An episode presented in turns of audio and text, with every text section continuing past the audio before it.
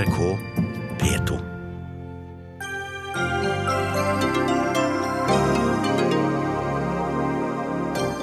Norges Midtøsten-strategi får kritikk fra forskerhold. Våre soldater i Jordan kan gjøre norsk humanitær hjelp mye vanskeligere, advarer Cecilie Hellestveit.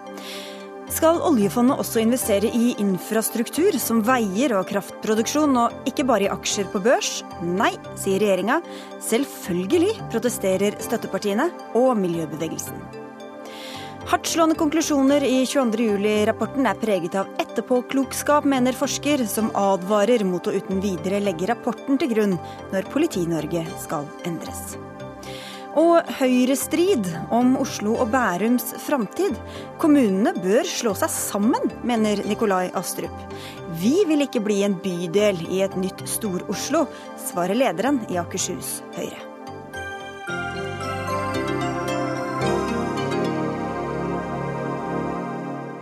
Dette er Dagsnytt 18 i NRK P2 og NRK2 i studio Sigrid Solund.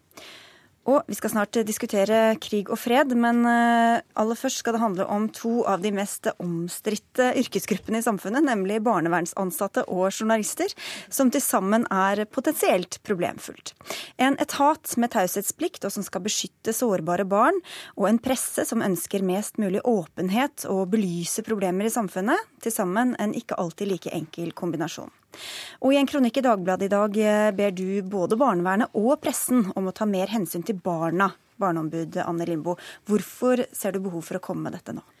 Nei, Jeg har sett meg litt lei på det voksenperspektivet som jeg syns har preget veldig mange eh, barnevernssaker i pressen i det siste. Og Det er viktig å huske på at i en barnevernssak så er det tre parter. Det er foreldrene og barnevernet og den aller viktigste parten, nemlig barna. Og jeg syns at mange saker i det siste har vært litt preget av David mot Goliat, foreldrene mot barnevernet. Og så er det sånn at vi i Barneombudet har innsynsrett i Eh, en del av disse barnevernssakene. Og det bildet vi har sett i noen av disse sakene, det stemmer ikke helt overens med det bildet som skapes i media. Og det får noen konsekvenser for barna. og Derfor så er jeg opptatt av at vi nå trenger en presseetisk debatt både omkring identifisering av barn, og også kildekritikk. Mm. Dere har allerede hatt et møte med flere aktører fra pressen i dag tidlig. Hva skulle ønske at journalister og redaktører gjorde annerledes da når de dekker disse barnevernssakene?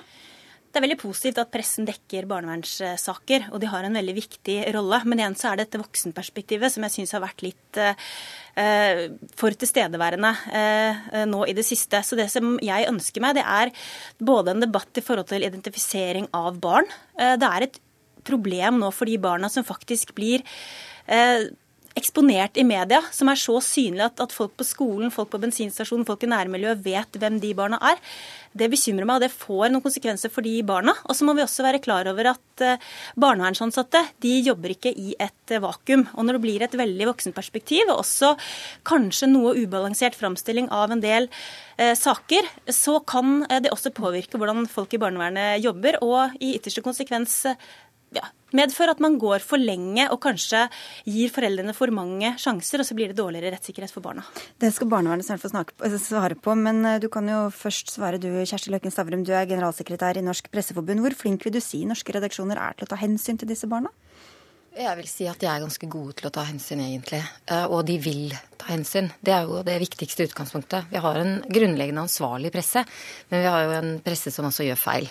Eh, og, jeg er veldig glad for at eh, Lindmo sier at hun ønsker jo at pressen skal jobbe med disse sakene. Det er viktig at det er journalistikk på på barnevern, på, på godt, god omsorg for svake grupper. Men, men det jeg syns er veldig bra med kronikken til Lindmo, er jo at er at hun peker på det som blir et generelt problem for journalistikk når det bare er tilgang på noen kilder. Eh, journalistikk er avhengig av mange kilder eh, for å, bli, eh, for å kunne, belyse en sak fra flere sider. Og, og, det som jo er et generelt problem, er jo nettopp tilgangen på barnevernet som en stemme i disse sakene. For å hindre at man havner i det vi kaller sympatifella, som jo fort kan skje hvis du bare har og det er det foreldrene, foreldrene som, som, kilde. Ja. Mm. Limbo, hvordan kan man egentlig presentere barnets synspunkt da, når man ikke vet og ikke vet Du kan jo ikke snakke med barnet, du kan ikke snakke med barnevernet?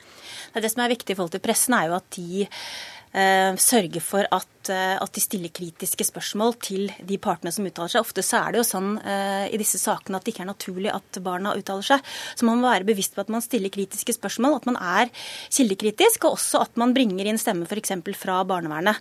Og Der kommer jo også jeg til en oppfordring, med en oppfordring til barnevernet omkring å ikke gjemme seg bak taushetsplikten. fordi at de har også et ansvar i forhold til å belyse disse sakene. Og selv om de ikke kan uttale seg i enkeltsaker pga. taushetsplikt, så kan man si ganske mye i forhold til å informere om hvordan barnevernet jobber, hva som er en terskel for en omsorgsovertakelse, og også eventuelt si at de, at de, ikke kjenner seg igjen i det bildet som er dannet. Ja, Marit Trommald, du er direktør i Barne-, ungdoms- og familiedirektoratet. Ehm, hvordan kan dere bidra til å opplyse uten å bryte taushetsplikten? Først så vil jeg si at uh, jeg syns det er prisverdig at Barneombudet er så tydelig på hvem som er den viktigste parten i en barnevernssak. Det må vi ikke glemme, og det tenker jeg at pressen også skal være veldig oppmerksom på. Og så vil jeg også da tilføye at eh, jeg syns ofte pressen i Norge er tilbakeholdne. Eh, det er mange journalister som sier til meg at de daglig får saker, barnevernssaker, som foreldre ønsker at de skal fronte og få store oppslag på.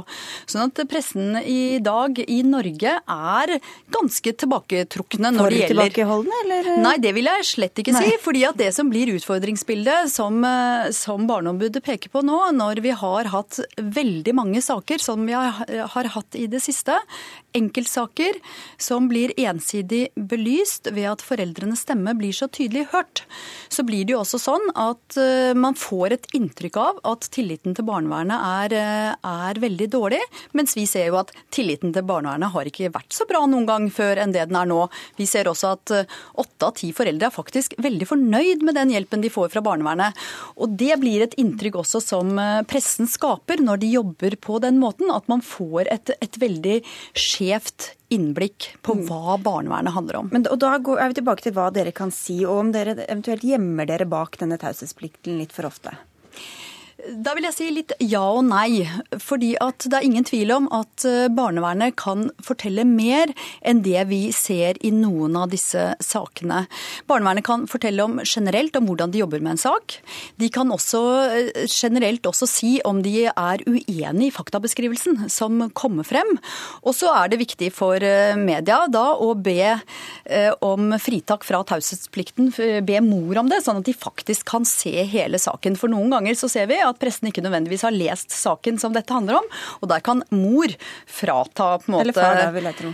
Hmm? Eller far. Eller far. Ja. Eh, foreldrene. De kan, de kan da frigi disse opplysningene, sånn at pressen får tilgang på det, mens barnevernet ikke kan gjøre det.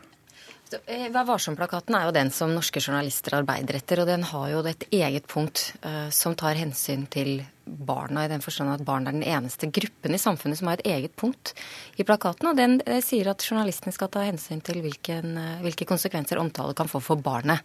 Eh, og det viser, mener jeg, praksis også at journalister gjør. Vi har få saker til Pressens faglige utvalg egentlig. Vi gjorde en opptelling på kontoret i dag og vi mener sånn røftlig at vi har kanskje en håndfull saker i året. Så, så, det er ikke mange. Men så er jo spørsmålet om journalister klarer å via enkeltsaker formidle et, et, et, et, ganske riktig generelt bilde. Eh, og det er klart at det blir en utfordring. Og jeg syns at det som er viktig at det kommer ut av kronikken til Lindboe, er eh, er at både journalister kan vite hva de kan forvente å få av informasjon fra barnevernet, og at barnevernet også har en sånn konkretiseringsliste, sånn at vi kommer så nært som mulig å belyse en sak, eh, uten selvfølgelig å, å trå over grensen. Men jeg, jeg skal bare tilbake til det du sa også innledningsvis om, eh, om, at du trodde kanskje at noen eh, i barnevernet lot seg skremme litt av, eh, av et bilde som, som, skapes i media, og hvor de da er redde for å få noen negative oppslag. Har du eksempler på det? Vet du at det skjer? Vi har jo ikke noe statistikk som sier det, men, men, vi er bekymret fordi at uh, vi har fått noen tilbakemeldinger fra ansatte i, i, barnevernet, også fra organisasjoner til ansatte i barnevernet, som sier at uh, de er påvirkelige. Det er klart at Hvis du hele tiden blir møtt med kritikk eh, og en slags beskyldninger om at man ikke har gjort nok i forhold til å ivareta eh, foreldrenes interesser. Igjen dette veldig tydelige voksenperspektivet. Kanskje vi skal prøve litt til og litt til og litt til. Og den redselen for å få saken massivt slått opp i, i media, eh, det er klart at det påvirker ansatte i barnevernet. Og konsekvensen for barna kan jo da være at de blir gående med dårlige omsorgsbetingelser altfor lenge og, og tar skade av det. Tromma. Ja, Vi har jo eksempler på at folk som er ansatt i barnevernet eh, opplever eh, hatmailer og annen, annen veldig ubehagelig måte, tilbakemeldinger etter at det har vært oppslag på saker hvor de blir veldig på en måte utfordret. Så Det er ingen tvil om at mange til og med kan være litt redde for å gå ut. Og jeg tror noe av grunnen til at de er litt tilbakeholdne, er at de er redd for å komme i sånne situasjoner. Vi går veldig aktivt ut og rådgir kommunene om hvordan de kan komme ut med mer informasjon i hva skal vi si, enkeltsaker uten å gå på tvers av taushetsplikten. For det er mye de kan gjøre. Og særlig noen av de mest profilerte sakene så har vi bedt dem også om å ta kontakt med oss, så kan vi råde i dem, eller ta kontakt med fylkesmennene. Sånn at vi kan være mer aktive også og kunne gi mhm. opplysninger til media. Men så sier Limbo at dere lever ikke i et vakuum. At dere også opererer i en virkelighet hvor presseoppslag er en del av virkeligheten. Øh, og hvor man kanskje kan da la seg påvirke til å handle sånn at man ikke får de presseoppslagene, og høre mer på foreldrene enn å høre på det barnet som ikke har noen stemme ute i media? Mitt inntrykk er nok at eh, barnevernsansatte har eh, setter barnets perspektiv først, og de står i disse diskusjonene selv om de ser at dette kan bli svært ubehagelig. Hele eh, tanken bak en offentlig debatt er jo at man faktisk skal reflektere over hva, hva, hva det budskapet innebærer som gis. Så, så hvis eh, barnevernet også blir påvirket, så trenger jo ikke det å være feil. Eh, og det er jo viktig at man også vet at det man gjør er gjennomtenkt og riktig, for det er jo alvorlige ting eh, for en familie og for barna eh, med, med omsorgsovertagelse. Eh, så, så, jeg tenker at i utgangspunktet er jo ikke feil hvis man, eh, hvis man ikke har gjort rett. Det er en korreksjon, rett og slett? Ja, det er jo det som er meningen med offentlig debatt. Og dertil så jo, ser vi også at dette har jo ført til nå politikkutvikling på et viktig område når det kommer til ny tenkning rundt fosterhjem f.eks., som vi jo ser at er et stort problem. Ok, Troma. Ja. Ja, eh, barnevernet eh, har også kvalitetsutfordringer, sånn som mange andre velferdstjenester. Og, og, presten gjør selvfølgelig en viktig jobb, og skal gjøre en viktig jobb, og påpeke det. Det som blir utfordringen, er hvis det blir mange enkeltsaker som da eh, gjør at man får et feilaktig bilde av hva som er hovedbildet i barnevernet, og dermed på en måte skaper et feilaktig inntrykk. Det tenker vi er en utfordring. Og nå har du i hvert fall fått debatten din, Limbo.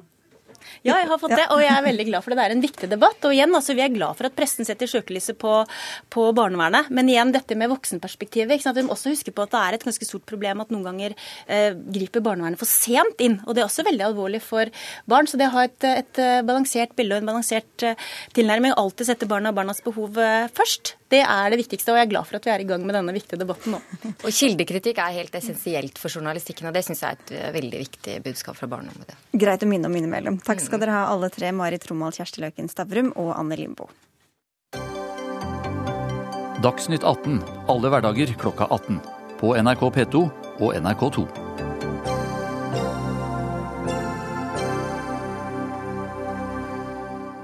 Skal vi til kritikken mot regjeringas plan om å sende 60 spesialsoldater til Jordan for å trene og gi råd til lokale krefter. Norge kommer med bidraget etter oppfordring fra USA og Frankrike om å øke den sivile og militære innsatsen i kampen mot IS. Men nå omtales strategien som både naiv og ytterst risikabel.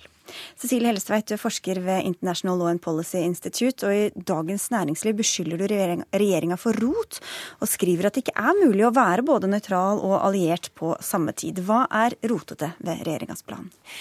Nei, altså eh, alle er enige om at noe må gjøres mot IS i Syria og Irak. Spørsmålet er bare hva skal være Norges eh, innsats, og hva skal vi kalle den for.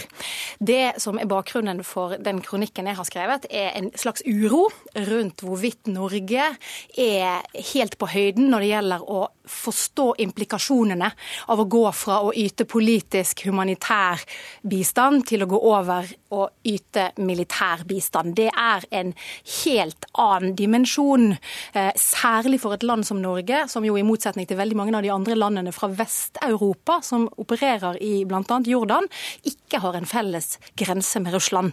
Og Det gjør at Norge, i en situasjon som dette, hvor ikke det foreligger et klart FN-mandat, eh, må ta noen ekstra runder med seg selv i forhold til hvem skal vi være på lag med, hvem er vi på lag mot, selv om vi kanskje ikke ønsker det slik, og hva er scenarioene i forhold til hvem vi kan komme på lag mot. For vi er i en situasjon i Midtøsten nå hvor Russland er militært engasjert på det som formelt sett er motsatt side, og selv om vi nå har sammenfallende interesser med russerne og veldig høy grad av koordinering, så kan det veldig fort endre seg.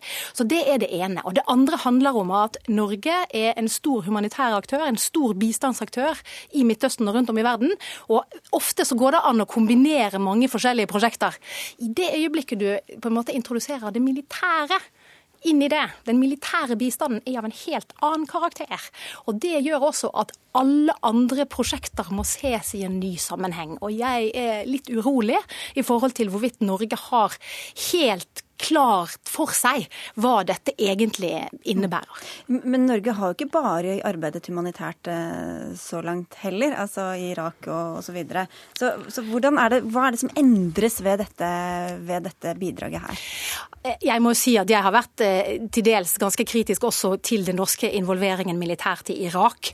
Det er en, en involvering som har hatt en del problemer ved seg, fordi vi har i realiteten lånt ut våre militære styrker til et et, en stat som Irak, hvor det er Irak som i stor, i stor grad beslutter og bestemmer hva den kapasiteten skal brukes til, uten at vi egentlig kan kontrollere det i så stor grad som det Norge burde ønske. Det som skjer nå, er at vi egentlig går over konfliktlinjen til den andre siden. Nå har vi vært på en måte eh, hos, eh, i Irak, i hovedstaden der. Nå går vi over på ikke ikke-statlige aktørers side, og det har Norge aldri gjort før uten et FN-mandat. I tillegg så er dette grupper som vi ønsker skal slåss mot IS, men som selv egentlig først og fremst slåss mot Assad-regimet. Og det er et regime som Norge jo også har diplomatiske forbindelser til. Og den form for blanding eh, av politikk og militær assistanse er farlig for et land som Norge, med den beliggenheten vi har. Harald Tom Nesvik, parlamentarisk leder i Fremskrittspartiet. Hvor godt har dere egentlig tenkt gjennom og analysert dette? Nei, det er jo helt åpenbart at eh, det er mye det Hellestveit uh, sier her som oss er enig i. og det er klart at Man skal ha en, en sunn skepsis i forbindelse med denne type involvering og hvor langt man faktisk går. Og Det er veldig mye pro at kontra. Det er mye, mye du må vurdere oppi en sånn situasjon. og Det har både uh, Utenriksdepartementet gjort, Forsvarsdepartementet gjort, alliansen og de partnerne som vi er sammen med, gjort. En rekke andre land har gjort det. Det er ikke første gang at Norge som er med militært, også der man er med å bidra eh, knytta til det humanitære. Vi er faktisk i Mali allerede. Eh, så det er en rekke forskjellige ting. Men det er helt klart at eh, det er en del ting som man alltid stiller spørsmålstegn ved, og som vi skal stille spørsmålstegn ved. Og jeg har også skeptisk til en del av disse gruppene som man ser. Derfor er det viktig at man gjør et grundig arbeid før man man bestemmes på hvilke type grupper man skal være med og trene opp. Men så er det også helt klart eh, at eh, fra regjeringas side, også fra min side, at IS er en organisasjon. Den er en trussel eh, globalt, en trussel for Vesten. Det har medført at millioner av mennesker er på flukt. Vi har en masse nedslakting av mennesker i regionen. Vi er nødt til å være med og, og, og bidra inn mot alliansen for å lære opp bl.a. Eh, både disse gruppene, men ikke minst også sette landene i området i stand til å nedkjempe dette barbariet som vi ser fra denne gruppa, som også medfører terrortrusler mot Vesten, medfører en enorm migrasjonsbølge og en rekke andre ting. Men så må vi også, som sagt, gå inn og se i det bakenforliggende, og da skal vi ha den skepsisen, og det, det har man, og man må gjøre en totalvurdering. Ja, altså eh, Mali er en helt annen situasjon. Der har vi masse FN-mandat, og vi har alle mulige parter, i hvert fall til en viss grad, eh, klart for oss. I Midtøsten er det annerledes. Der er det veldig mange konfliktlinjer nå, det er veldig mange skillelinjer. Og det som er litt foruroligende, er at Norge ser ut til å si at dette er en slags fortsettelse av det vi har holdt på med i Bagdad, eh, og hvor man også går inn og sier at dette her er forsvar av Irak. Dette her er en del av selvforsvaret som Irak har rett til. Eh, og I det øyeblikket Norge gjør det, så, så på en måte så sier vi at vi ikke er i Jordan og trener, trener syrere, men vi sier at dette har en link til Irak. og da later vi på en måte som om det er nesten det samme å være på jordansk territorium som det er å være på syrisk territorium for norske soldater. Og det er det absolutt ikke. Så det er veldig viktig å holde på en måte eh, både det juridiske, men også på en måte de underliggende konfliktlinjene klart her. Fordi dette handler ikke for landene i regionen først og fremst om å slåss mot IS. Dette handler om veldig mye mer. Her er det mange konfliktlinjer som kanskje ikke synes så godt mm. når IS er så synlig i all sin barbaritet. Men det er de underliggende konfliktlinjene som Du skal få svare, Nessie. Du må få inn han som sitter ved din side først. Eh, kort, Audun Lysbakken, eh, leder av eh, SV. Du, dere er jo mot dette og har kommet med hard kritikk av regjeringa. Er det litt sånn på automatikk, eller er det av de samme årsakene som Hellesveit trekker opp her? Det er jo eh, den grunnleggende samme problemstillingen som Hellestveit og vil jeg legge til mange andre forskere og eksperter på situasjonen i Syria og Midtøsten eh, understreker. Vi aner ikke hva det er stortingsflertallet og regjeringen har sagt ja til. Eh, Norge burde velge én rolle i denne kompliserte konflikten. Noen land bør også ha det. En politisk og humanitær rolle. Og det som nå skjer, er en dramatisk skifte i Norges rolle og Norges posisjon posisjon. Og det gjøres som vanlig på en lukket måte. Eh, Harald Tom Nesvik og jeg kommer rett fra grunnlovsvoteringer i Stortinget. Der har SV sitt forslag om åpen behandling av norsk krigsdeltakelse i Stortinget nok en gang blitt nedstemt.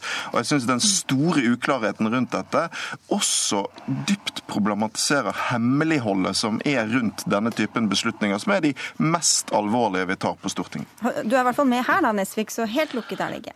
Nei da, jeg er med her, og vi skal skal diskutere, og jeg og Audun vi diskuterer når vi uh, finner mulighet til det. det, klart, jeg skjønner... Vi sier at det virker ikke som dere har helt liksom, sett alle konfliktlinjer og alle eh, konsekvenser av det dere gjør? Ja, altså, Nå er det jo gjort uh, totalvurderinger opp mot disse tingene her, men så er jeg enig med Hellestveit. Her er usikkerhetsmoment inni disse tingene her, nettopp knytta til bl.a. en del av disse gruppene. Kan disse gruppene snuse rundt og kjempe mot en i, ved en senere anledning? Men det som er det overordna her, er nettopp å få at at, at vest, altså Europa, USA og, og, Russland må komme sammen her om å gjøre en felles innsats. I tillegg så er det mye pro at kontra her. og Jeg sa helt innledningsvis jeg er veldig skeptisk til en del av disse tingene, men totalvurderinga som her må fattes, er nettopp for å få nedkjempa dette barbariet som vi nå ser. Og da, men La jeg bare få fullføre mitt resonnement, så skal, skal, jeg slippe til. Det som er, er hensikten her, er at vi må ikke prøve å, å sammenstille og, og prøve å, å lage oppfatning oppfatning der ute om at USA ikke vet hva de gjør, Europa vet ikke hva de gjør, Russland vet ikke hva Altså ingen andre vet hva de gjør, men Hellestveit vet hva hun vil og hva hun gjør. Så jeg tror, nok, jeg tror at her er man nødt til å se totaliteten i det. Men som sagt, jeg er skeptisk til en del av det som skjer. Mm. Men saken er det er helt nødvendig å få tatt grep rundt dette barbariet. Hvis vi ser på det som var Norges involvering i Irak, så er det helt klart at Norge til dels ramlet inn i Bagdad og trodde at vi hadde akkurat de samme forutsetningene forutsetningene som det Australia, eh, Storbritannia og USA hadde. Og Det viste seg at det hadde vi ikke, av forskjellige grunner. Amerikanerne vet eh, hva de gjør og hva de ønsker. Eh, franskmennene vet hva de gjør og hva de ønsker. Og nordmennene må vite hva vi gjør og hva vi ønsker. Fordi vi er i en annen situasjon enn amerikanerne. Vi er i en annen situasjon til og med enn Danmark. Og det er kanskje ikke først og fremst ja. Eh, dette med hvem er det vi trener i Syria. Det har antageligvis Norge liten innvirkning på. Det som er annerledes for oss, er at vi har en felles grense med en stor makt som er militært involvert på andre siden.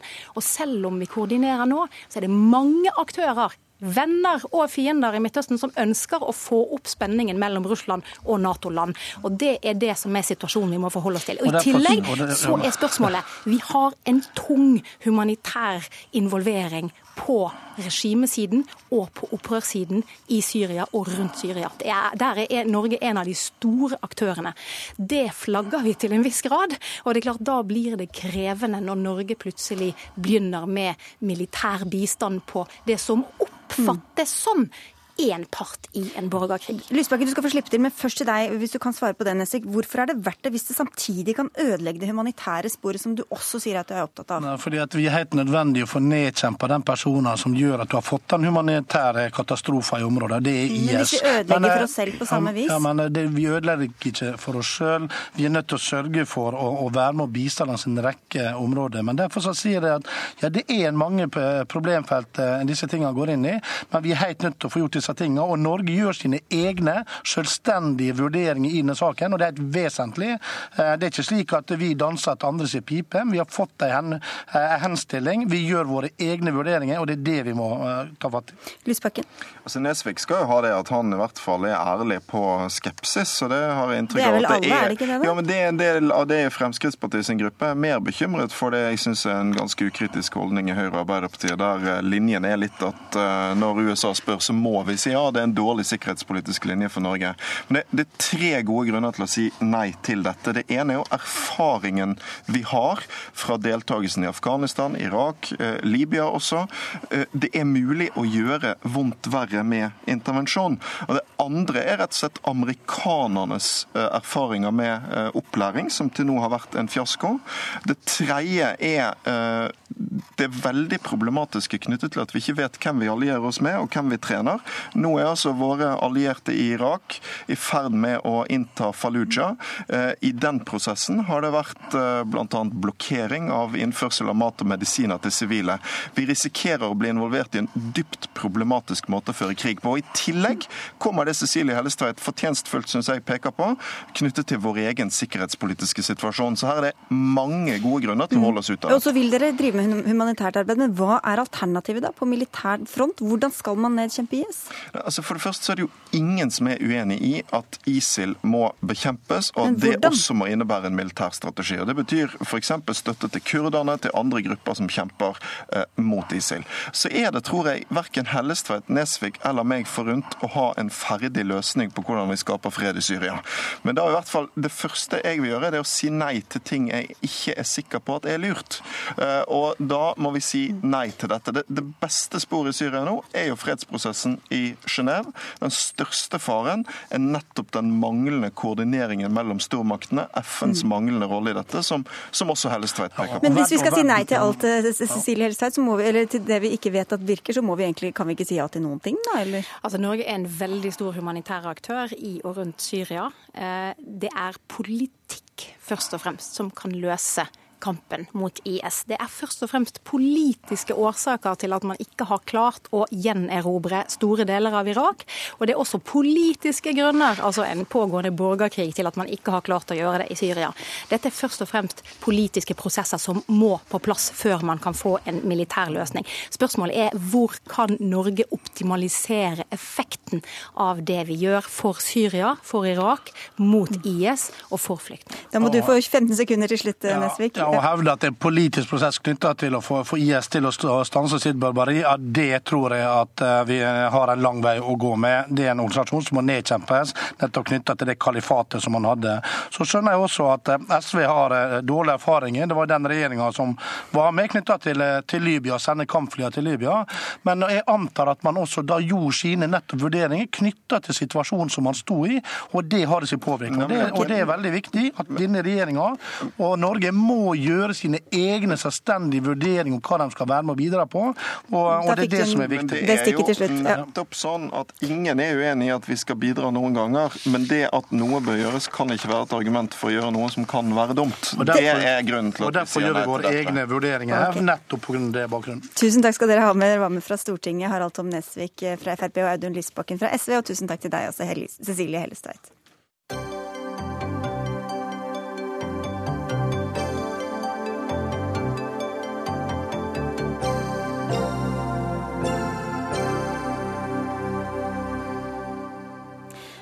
To dager skal finanskomiteen på Stortinget ta stilling til om oljefondet skal kunne investere i unotert infrastruktur, dvs. Si bl.a. Eh, vind- og solselskaper som ikke er på børs. De faglige rådene er positive, miljøbevegelsen mener det bør skje med det samme, men regjeringa sier nei. Og nå setter du din lit til Stortinget, Nina Jensen, du er leder i WWF. Hvorfor er det så viktig, denne saken som de da diskuterer og skal ta stilling til denne uka? Du, dette er eh, et eh, utrolig spennende marked eh, som vi ser er i kraftig vekst. Tilsvarende investorer som oljefondet går i økende grad inn i denne type investeringer. Eh, det er et marked som vokser dobbelt så fort som verdensøkonomien, eh, som et utgangspunkt. Men vi er jo selvfølgelig også opptatt av de andre positive effektene denne type investeringer kan ha. Både på utviklingsspørsmål ved å sikre livsnødvendig infrastruktur og fornybar energi, og ikke minst være en del av klimaløsningen ved at man får fortgang i omstillingen fra fossil til fornybar energi. Men det er jo dette at dette ikke er børsnoterte selskaper som regjeringa er da skeptisk eller Finansdepartementet er skeptisk til. Hvorfor hvor, finnes det ikke tilsvarende prosjekter på børs som man kan investere i? Nei, altså det finnes jo både og. Eh, men det er jo som sagt eh, det unoterte markedet som er eh, der det er størst behov. Og også der vi ser at tilsvarende investorer i økende grad går inn fordi det er et spennende marked og et marked i vekst. Eh, og de politikerne som nå skal fatte denne beslutningen, burde jo i mye større grad lytte til de faglige rådene de allerede har fått. Både fra internasjonale tilsvarende investorer, fra sitt eget ekspertutvalg, som har gitt krystallklare råd, og ikke minst fra Norges Bank og oljefondet, som mener at det vil være svært viktig å gå inn i denne type investeringer. Det høres ut som en liste dere ellers vil høre på og lytte til, Røe Steffensen. Du er stortingsrepresentant for Frp i finanskomiteen. Hvorfor ikke denne gangen? Eh, nei, det vi har eh, sagt er at vi ønsker å gå veldig varsomt fram. Altså, Vi har ikke stengt noen dører for å, for å gjøre dette, men eh, vi kommer nok ikke til å gå inn for dette i denne omgang. Det handler, det handler om at Sammenlignet altså med investeringer i, i aksjer og, og, på børs, så, så, er det mer komplekst. Det er ressurskrevende. Det er tyngre å, å ta den type investeringer. Det er en stor politisk risiko med det. Eh, det kan fort bli eh, forandringer i rammevilkår for, eh, for den type prosjekter. Men Tror du ikke at Norges Bank og deres eget fagutvalg har tatt hensyn til det? Jo, men de har nok også tatt, altså de har mer tatt hensyn til at de ønsker et større område å investere i. At de, de ser på det rent, rent investeringsmessige. Men vi må òg se på den politiske risikoen oppi dette her. Og det er veldig stor politisk risiko i den type prosjekter som, som kan vise at det er bare, bare i Norge hvor det var et canadisk fond som kjøpte seg inn i 2011 i gassledd. Eh, den rød-grønne regjeringen tok i 2012 og forandra på rammevilkårene for de, og, og, eh, og, er nå i søksmål eh, med disse. her. Og Det viser jo at når dette kan skje i et så velfungerende land som Norge, så er det desto større fare for at den type ting kan skje i, i mindre utvikla land. Mm. Er det noe vi ikke trenger, så er det mer usikkerhet i oljefondet, Nina Jensen? Nei, men jeg tror altså Ved enhver investering så vil det være risiko. Men jeg syns det er underlig når man ser at tilsvarende investorer over hele verden nå øker sine investeringer inn i dette markedet, og oljefondet også har bedt om dette spesifikt, at man her eh, på en måte mistror eh, at oljefondet faktisk kan klare å håndtere denne type risiko på en god måte. Det er altså verdens største oljefond. Jeg vil ha full tillit til at både Norges Bank og, og altså oljefondet vil kunne eh, håndtere denne type risiko, men det er klart at det er viktig at man går varsomt frem. At man starter i markeder med, med lav politisk risiko. At man sørger for å ha gode lokale partnere og lokal eh, kunnskap for å gå inn i det. Kjell Ingolf Ropstad, du er stortingsrepresentant for KrF og sitter også i finanskomiteen. Og dere er for dette? Ja, Vi kjemper for det lenge. Vi ønsker jo at oljefondet skal kunne ta eh, og investere i infrastruktur. Eh, og, det er mange grunner til det. fordi at eh, Hvis en ser på det finansielle, så, er jo de faglige anbefalingene veldig tydelige, som det blir sagt her. Men vi har jo et ønske om å få flere investeringer i noe vi ønsker skal skje, nemlig fornybar energi, i veier, i infrastruktur i fattige land, som kan være med å skape en mye større utvikling enn det bare kjøp, aksjer, kjøp og salg av aksjer vil gi. Så Vi mener jo at eh, du skal bruke SPU varsomt. Det skal brukes på en måte som gjør at du ikke får stor risiko. Du skal ha en god avkastning. og Derfor så må du òg lytte til finansielle rådene. Vi ønska jo dette tidligere, men ble enige med Frp tidligere da, om å få en utredning. Så kom ekspertgruppa som så på det. De kom med sin anbefaling eh, om å gå inn i unotert infrastruktur. Og Når de da kommer med den anbefalinga, så mener vi at når du både har de gode, mer idealistiske grunnene til å gjøre dette, pluss de finansielle gode argumentene, så bør det være tid Hvorfor for å gjøre noe. Hvorfor tror du at de ikke vil det, da? Nei, Jeg tror jo det er det som eh, Steffensen sier her på slutten, med politisk risiko, som, som de legger mest vekt på. Men da er det jo viktig å understreke at dette er jo ikke noe uvanlig. Og som, eh, som Nina Jensen sier, så er det jo flere og flere pensjonsfond som, som gjør dette. og Det er flere som ønsker seg inn i den type. Det er, altså, det er jo ikke idealismen som gjør at Norges Bank eller, eller ekspertgrupper sier at gå inn i unotert infrastruktur. De sier det fordi de ønsker å få spredd risiko og få en større avkastning. Når det skjer i andre eh, sektor, f.eks. pensjonsfond som, som går inn i det, så tar jo de høyde for den politiske risikoen. og Hvis du går smått fram her, som, som Nina Jensen òg antyder, så kan du gå inn litt og litt, etablere deg, få mer kunnskap, få kompetanse, og da kan du òg unngå den type risiko. Hvorfor skal dere ligge så langt bakpå? Nei, eh, bare det som det, Han sier at det handler mest om politisk risiko, men det er ikke bare det heller. Det handler òg om, eh, om eh, avkastning. Eh, Formålet med oljefondet er at det skal skape høyest mulig avkastning på moderat risiko. Det er våre sparepenger for framtidig, pensjon. Og med, med, Oljefondet skal altså ikke være et veldedighetsfond i fattigdomsbekjempelse eller for å ta miljøkampen. Men, Det men skal hvis Norges Bank selv tror at det er lønnsomt? Ja, lønnsomt er det, men det er ikke like lønnsomt som bare de rene aksjeinvesteringene. Det viser Hvis vi ser på miljø... Hvorfor er dere ser- bedre egnet til, Ja, til, til å spå dette enn det Nei, selv dette, dette er enkel historikk. for det. I, i eh, oljefondet så er det et, et investeringsmandat for, for miljø. eh, og Det var på 30 milliarder. Vi har økt det til 60 milliarder. Men hvis du ser på historikken der, så ser du at avkastningen på det har vært på 2,8% fra 2010, mens aksjeinvesteringene har vært på 9,5 Og når, når vårt formål er at vi skal, vi skal sørge for framtidige pensjoner, så må vi gå for det som er mest lønnsomt. Og historisk det viser at det er aksjeinvesteringer, og ikke, eh, ikke å gå inn på f.eks. miljøinvesteringer.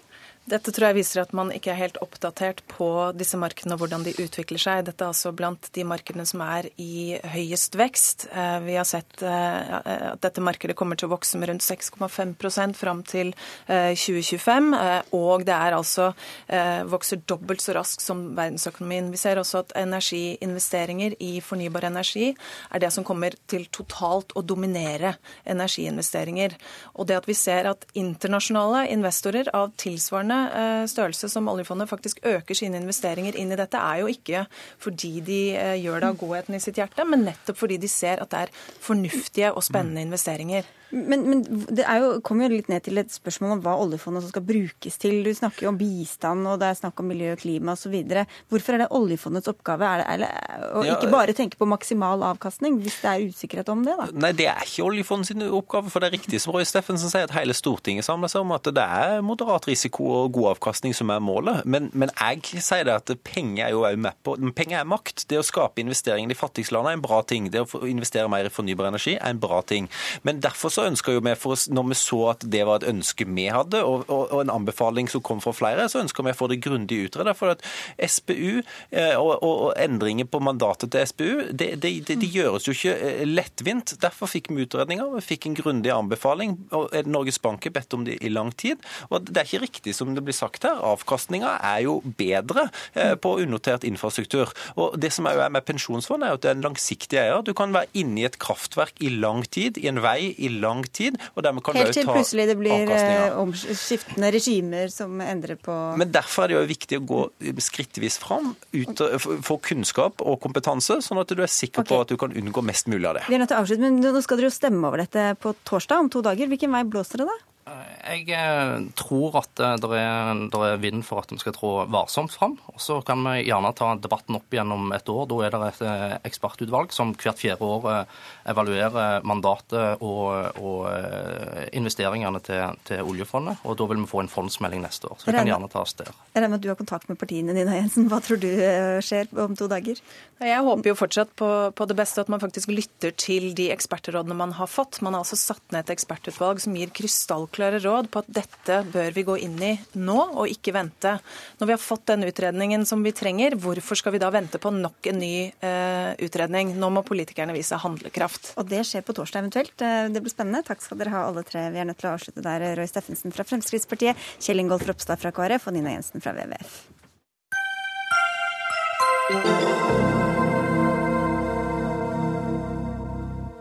Drøyt ett år etter 22.07-terroren kom en nesten 500 sider lang eh, hardtslående rapport fra den regjeringsoppnevnte Gjørv-kommisjonen, som skulle få stor innvirkning på det etterfølgende arbeidet med å endre politiet og beredskapen i Norge. Nå er det derimot rapporten selv som stilles i et kritisk søkelys. Det er på høy tid at 22. juli-rapportens analyser, vurderinger og konklusjoner legges under lupen, sier du til Aftenposten i dag, Helge Rena. Du er forsker ved Universitetet i Bergen, og du jobber med en doktorgrad der du går gjennom denne rapporten. Hvorfor er det nødvendig å se på den med et kritisk blikk nå?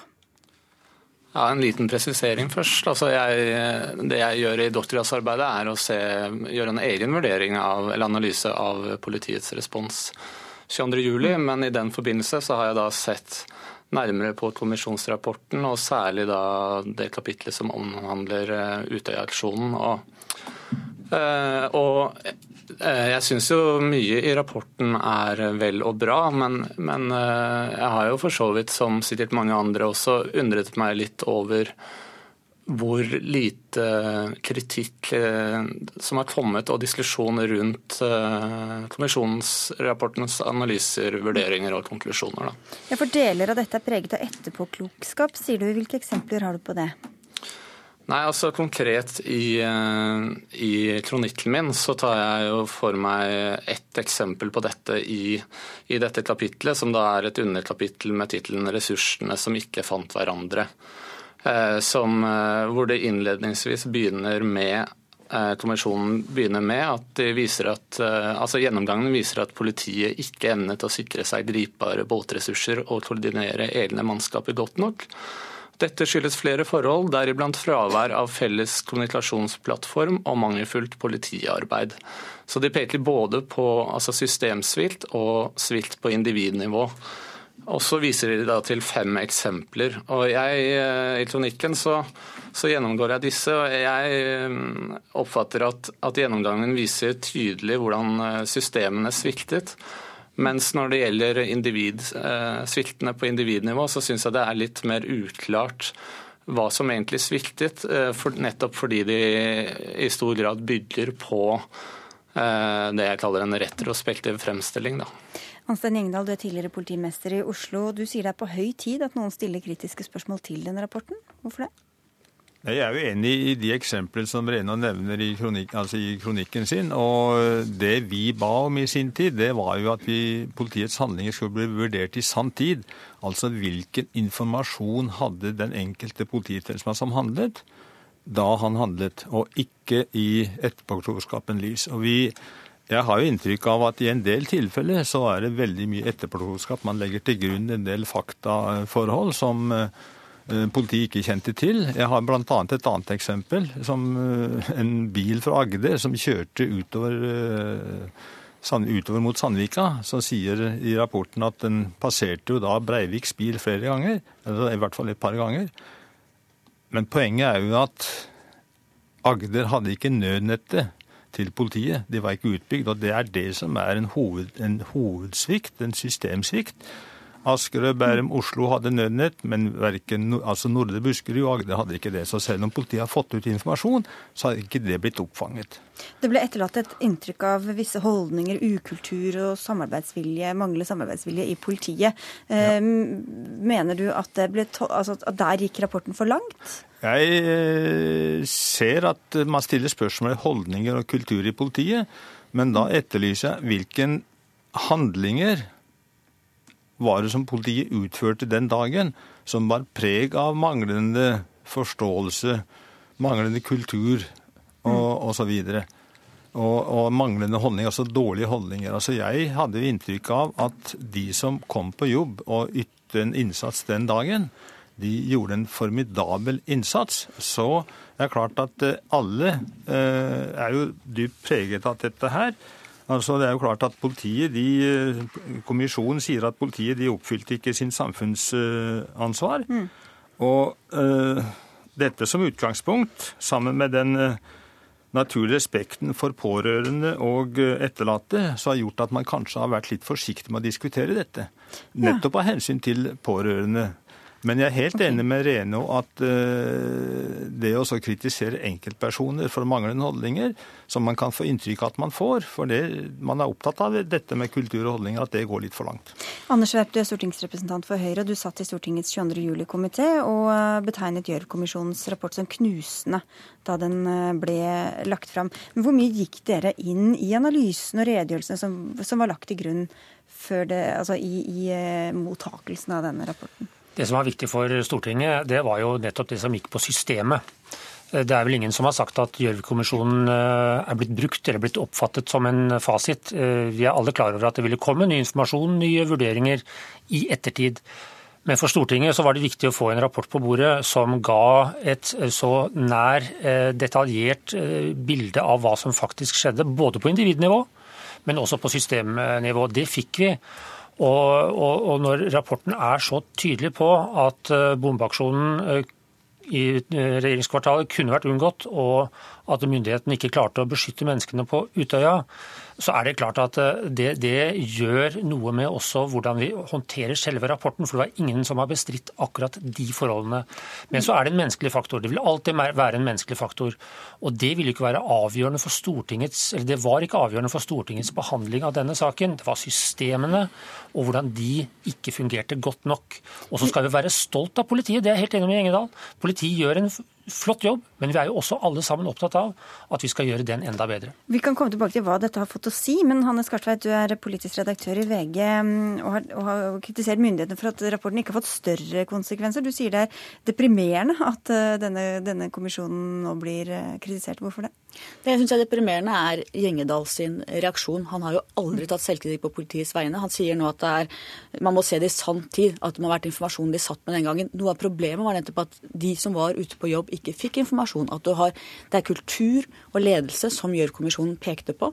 De hadde ikke teknologisk utstyr, GPS, de visste ikke hvor de skulle. Det var dårlig samordning. Man klarte ikke å varsle fra Oslo, Asker og Bærum, som kunne ha stanset, eh, stanset eh, Breivik.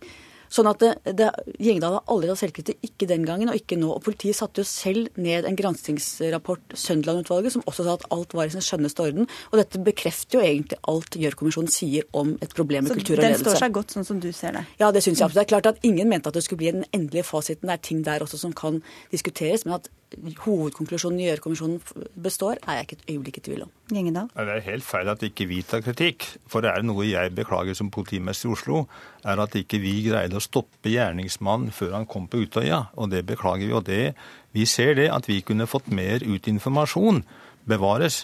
At det beklager vi at vi ikke greide å få ut. Men som Gjørv-kommisjonen sier, hvis vi skal peke på en enkelt eh, årsak, så går ikke det. Det går, kan kanskje gå på individet, men det skyldes bl.a. at man ikke hadde tilstrekkelige kommunikasjonsmuligheter, som eh, Skartveit nå etterlyser. Og Finnene f.eks. De hadde, altså, altså de hadde eh, systemer, datasystemer i bilene sine, kunne lese av rapporter hvis du sitter og skal få en muntlig beskjed over radio. Så, og når de koker. Det var systemet og ikke menneskene. Ja, og jeg, men det er klart at det er også begått individuelle feil. Og Alt det som skjedde i Oslo politidistrikt, det er sagt fra dag én. Det var mitt ansvar at vi ikke hadde nok bemanning på operasjonssentralen osv.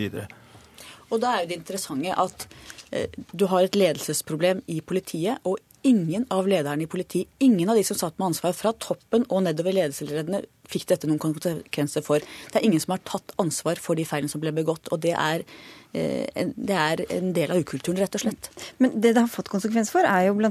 endringen i eh, politistrukturen. altså og, og, beredskapen i Norge, i hvert fall eh, blir det lagt som, som grunnlag. Den skal ikke brukes som en fasit, sies det her fra, fra studio. Det samme sier kommisjonens leder Alexandra Bech Gjørv til oss i dag, Helge Reno. Hun kunne ikke komme, men hun svarer også til Aftenposten at det ikke er ment som en fasit. Men du sier likevel at det er sånn den brukes? Ja, så Det er eh, min oppfatning. Det er mer en sånn eh, kvalifisert observasjon. altså At eh, mange av disse NOU-ene og stortingsmeldingene som har kommet i ettertid, tar utgangspunkt i i Gjørv-kommisjonens analyser og vurderinger og konklusjoner, og legger det til grunn uten videre. Men jeg vil også legge til at at uh, mitt utgangspunkt var egentlig altså dette med Utøya-aksjonen og det, det, som var veldig, gjenstand for veldig mye debatt, og enkeltpersoner som var involvert i den aksjonen. Som uh, langt på vei, uh, i hvert fall var inntrykket mitt, at fikk skyld for det som skjedde. Og jeg er enig med Skartveit i at at her er det systemet som sviktet, og da må man peke på de som har ansvar for det systemet. og Det tenker jeg er ledelsen både i politiet og departement og ytterste konsekvens politikerne. Da skal dere få svare på det, men først Anders Werp fra Høyre. Er det én rapport som har ligget til grunn nærmest for all endring i, i politi og beredskapen i Norge? Nei, det er det slett ikke. Eh, Ca. tre kvart år etter at Gjørv-kommisjonen forelå, så fikk vi jo Politianalysen, som fastslår to viktige ting. For det første at politiet ikke er verken organisert eller utrustet for å møte dagens eller morgendagens kriminalitetsutfordringer. Og I tillegg så fastslår også Politianalysen at det ytes ulike polititjenester rundt om i landet. Det kommer på toppen av Gjørv-kommisjonen, og på mange måter bekrefter eh, det Gjørv-kommisjonen peker på. Og, og, Det var jo også et viktig dokument for Stortinget når vi nå uh, jobbet med, med politi, nærpolitireformen i fjor. Så det, det, er mange ting som summerer seg opp. Og, og, Intensjonen vår er jo selvfølgelig å gi politiet mulighetene. Vi har verdens best utdannede politi, og vi må forvente høyeste kvalitet som følge av det. Og vi må også forvente at politifolk som er ute og gjør den jobben hver dag, må ha skikkelige og gode ledere som også tar konsekvensene når det skjer feil. Noe annet interessant er jo at politiet har fått vanvittig mye mer ressurser etter 22.07, og veldig mye av det har gått til at Politidirektoratet har est ut og blitt kjempestort, mens man i distriktene fortsatt sliter med for dårlig bemanning. Det er også et tankekors. Gjengedal. Nei, det er siste jeg er helt enig med Skartveit i, men jeg vil jo si at eh, bare ta dette med operasjonssentralen, som var ikke i stand til å håndtere det den ble utsatt for. og Det var, som eh, nevnt her, det er et generelt problem for hele Politi-Norge. og Derfor får man nå større distrikter. Men vi hadde påpekt etter Løves Oslo 2006 overfor, overfor, direktoratet, som jeg går fra videre til departementet, at dette holdt ikke. Det var påpekt det er klare mangler med lokaliteter, fasiliteter og bemanning osv. Altså, bemanning er politimesteren sitt ansvar. Det var rapportert inn. Men det skjedde ikke noe, og det er heller ennå ikke kommet på plass. og Der foreslår Gjørv-kommisjonen at man burde bygge en eskalerbar operasjonssentral ved Oslo politidistrikt kunne håndtere slike mm. situasjoner på en bedre måte. Men så sier også Hanne Skartveit at uh, noen kanskje burde gått av. Sier ja, altså, mellom linjene, Hanne Skartveit. Ikke bare mellom linjene, jeg mener det. Hun mener at jeg burde gått av, men ja. nå kom jo Gjørv-kommisjonen i august, og jeg skulle jo pensjoneres 1.9., så det var ikke noe vits å sparke meg. Jeg kom til å gå, kom til å gå likevel. Jo, men, men symboleffekten av at du hadde gått av aktivt istedenfor å vente 1.9, hadde jo vært eh, en måte å ta ansvar på som jeg tror hadde vært bra for hele prosessen videre. Var det aktuelt, da? Eller hadde du gjort det hvis ikke det, du skulle gått av Jeg ville se rapporten, og det var ikke aktuelt om at jeg skulle gå av bare 14 dager etterpå. Nei, nei, men Hvis du ikke skulle pensjonere deg? Nei, nei men det, det, det, skulle jeg. Det er fakta. Det vi også ser, er at du hadde tre år senere hadde nobelprisutdelingen i Oslo rådhus, hvor det kom en mann helt opp til nobelprisvinner Malala. Da var det de samme menneskene som satt med ansvaret i Oslo politidistrikt, og det fikk heller ikke da konsekvenser. Jeg var ikke der da. Nei, Anders Werp, du får ti sekunder på, slutten her. Hvordan Etter sommeren er det jo fem år siden uh, denne fatale dagen. Og, og, og jeg syns jo også det er veldig bra at vi får denne diskusjonen. fordi fra Stortingets side så, så er vi jo veldig opptatt av nettopp å legge til rette for at vi skal få mer politikraft ut av det jeg igjen hevder er verdens best utdannede politikorps. Og, og la oss bruke anledningen til at det blir, blir bedre. Vi får uh, la det være oppfordringa. Tusen takk skal dere ha alle fire. Helge Renome fra Bergen, Anstein Gjengedal, Anders Werp og Hanne Skartveit. Takk skal dere ha. Hør Dagsnytt 18 når du vil. Radio NRK.no.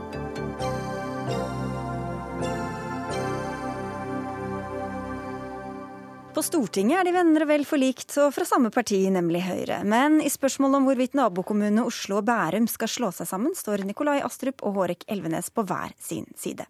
I VG i dag åpner du, Astrup, leder i Oslo Høyre, for at Oslo og Bærum skal bli én stor kommune med hele 770 000 innbyggere. Har kommunereformen fått deg til å ta helt av, eller?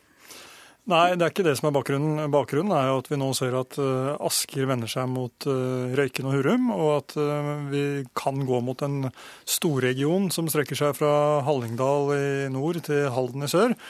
Og hvor det kanskje er mer naturlig for Bærum å søke samarbeid med Oslo. Og vi har en felles grense. Vi er ett en kunstig grense, sier du? Veldig tett uh, integrert uh, jobb- og boligmarked.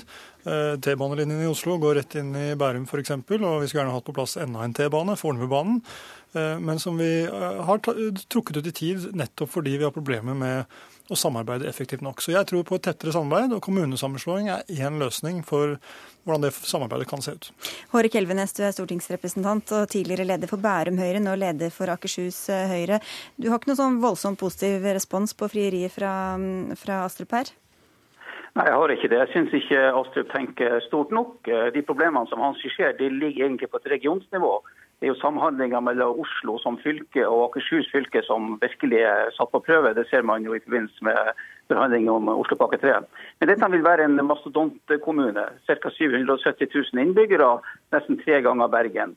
Faren for at stordriftsulempene skal bli langt større enn stordriftsfordelene, er jo helt åpenbar. Det andre er jo at Oslo er jo en hovedstad, en by, og, og utvikler byen som en by gjennom en ganske ekspansiv fortetningspolitikk. Mens eh, Bærum er en forstadskommune, en åpen og grønn forstadskommune. Eh, at Bærum skulle på en måte bli underlagt eh, fortetningsstrategien og arealpolitikken til Oslo som en bydel i Oslo, vil ikke Bærum være interessert i, og vil muligens forringe de kvalitetene som er i Bærum i dag, som medfører at mange faktisk velger å flytte fra Oslo til Bærum når de skal etablere seg. Eller hvis de skal ha eldreomsorg eller andre tjenester som de ikke er helt fornøyd med. med så bra for, Bærum, nei, bra for Oslo, men ikke så bra for Bærum da, Astrup? Nei, Det er jeg helt uenig i. fordi jeg mener det er veldig bra for Bærum hvis vi får et mer effektivt samarbeid over, eh, altså på tvers av denne grensen som, som er der i dag, som jeg mener er en kunstig grense. Eh, det går på planarbeid, det går på boligbygging, det går på transportarbeid. Det blir mer effektivt, rett og slett? Ja, jeg tror det blir veldig mye mer effektivt og mer helhetlig. Og vi kan se disse to kommunene i sammenheng. Og Oslos mål vil jo aldri være å bygge ned jordene i Bærum. Det er ikke, det er ikke miljøvennlig og det er ikke effektivt. Det vi ønsker er jo å sørge for at vi får til en fornuftig fortetting i Bærum rundt de tettstedene som allerede finnes, rundt de byene som allerede finnes, Sandvika f.eks., eh, og sørge for at det blir enklest mulig for folk å reise på tvers av grensene. Dette handler jo om innbyggernes behov eh, først og fremst, og det er innbyggerne vi må sette først i dette arbeidet. Så jeg er helt enig med Hårek Elvenes at det er store utfordringer med det regionale samarbeidet slik det fungerer i dag, og han har jo ved gjentatte ganger eh, sagt at grenseoppgangene slik de er i dag er dysfunksjonelle, hindrer effektivt samarbeid i regionen. Men det vi nå går mot, er jo en kjemperegion eh, som vil strekke seg helt opp i Hallingdal i Buskerud, og, og, hvor Østfold også er med. Og da er det kanskje mer naturlig for, Os for Bærum å ha et samarbeid med Oslo, i hvert fall når det gjelder de fylkeskommunale oppgavene. Hvorfor skal dere vende dere den veien i stedet for det ganske naturlige samarbeidet med Oslo og Elvenes? Jeg syns jo eh, Oslo, når de først er ute for et frieri, så burde de fri, fri, til flere kommuner. De burde egentlig fri til de eh, kommunene som ligger i randsonen til Oslo i dag. Du har Oppegård, du har Lørenskog, du har Nittedal, du har Bærum med flere. I stedet for Bærum, eller i tillegg? Nei, eh, Gjerne sammen med Bærum, men, men da i en regionstankegang. Da kan du få, få laga en effektiv region som har de fylkeskommunale oppgavene sånn som Oslo i dag har ansvar for innenfor dagens Oslo-grenser. Og da kan du på en måte få et helt annet grep om situasjonen. Eh, når det gjelder Fornebubanen, så er det jo faktisk Oslo som ikke klarer å bli ferdig med med reguleringsarbeidet. Bærum har ferdig regulert, vi er klar til å begynne å bygge. Men sendrektigheten i Oslo gjør at dette på en måte Å nei, Nå må jeg bare stoppe deg før det kommer et sånn rød-grønt uh, angrep fra Astrup her. Men er det, eh, det er kanskje litt flere velstående skattebetalere i Bærum enn i Lørenskog også, som dere ønsker å få nei, kloa i? eller? Jeg er åpen for å samarbeide med andre kommuner også rundt Oslo, men det jeg oppfatter nå, det er at uh, Oppegård ser mot Follo-regionen, Romerikskommunene snakker sammen seg imellom. Og, og, det er veldig positivt at de gjør, fordi Oslo trenger jo også færre å forholde seg til. Det er positivt for de kommunene det gjelder, men det er også positivt for Oslo at kommunene kommunene rundt samordner seg i større grad. Men så oppfatter jeg ikke at det har vært aktuelt for noen av dem å samarbeide med Oslo. Derimot så kan Bærum nå bli satt i en litt annen situasjon enn det man kanskje hadde trodd på forhånd, ved at Asker eh, vender seg mot Røyken og Hurum. Og da mener jeg, og det er, derfor, det er bakgrunnen for mitt utspill, da mener jeg det er aktuelt å diskutere i det minste hvordan vi kan få til et tettere samarbeid. Det trenger ikke være kommunesammenslåing. Det kan også være at Bærum kommune f.eks. tiltrer Oslo fylke, eh, og man samarbeider om de fylkessakene som finnes. Eh, det er også en god modell, men kommunesammenslåing bør ikke være av bordet. nettopp nettopp fordi vi har så mye til felles, er så integrert, har så mange felles utfordringer og så mange felles muligheter. Og Næringslivet i Bærum de vender seg og orienterer seg mot Oslo f.eks., og må nå forholde seg til to forskjellige forvaltningsnivå. Det hindrer eh, både boligbygging og, og mye annet som er viktig for næringslivet. Jeg var innom skatteinntekter, Elvenes. Hvorfor er det rettferdig at Bærum skal få alle skatteinntektene til dem som jobber i Oslo, og som kjører fram og tilbake hver eneste dag?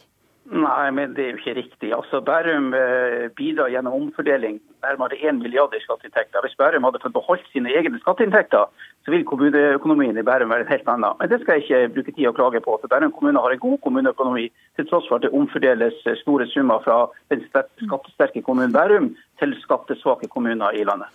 Ok, Du brukte litt tid på det likevel. Det høres ikke ut som du får noe gjennomslag, eh, Nikolai Astrup. Nei, men det jeg tror vi kan bli enige om, det er at vi må ha et tettere og bedre samarbeid enn vi har i dag.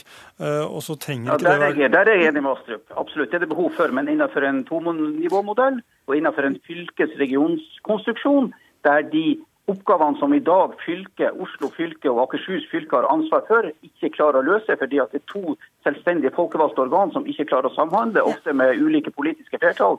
Får man ett, en region, ett fylke, så er mye løst. Og det er, det er et sted å starte, helt åpenbart. Eh, men så må vi se om vi kan komme enda et skritt videre. Takk for at dere i hvert fall kom til Dagsnytt 18 begge to. Eller du kom ikke da, Håre Kevle, så vi takker deg likevel. Og takk skal du ha, Nikolai Astrup, Ida Tune Ørisland, Lisbeth Sellereite og jeg, Sigrid Solund. Takk for følget, og ønsker en god kveld videre.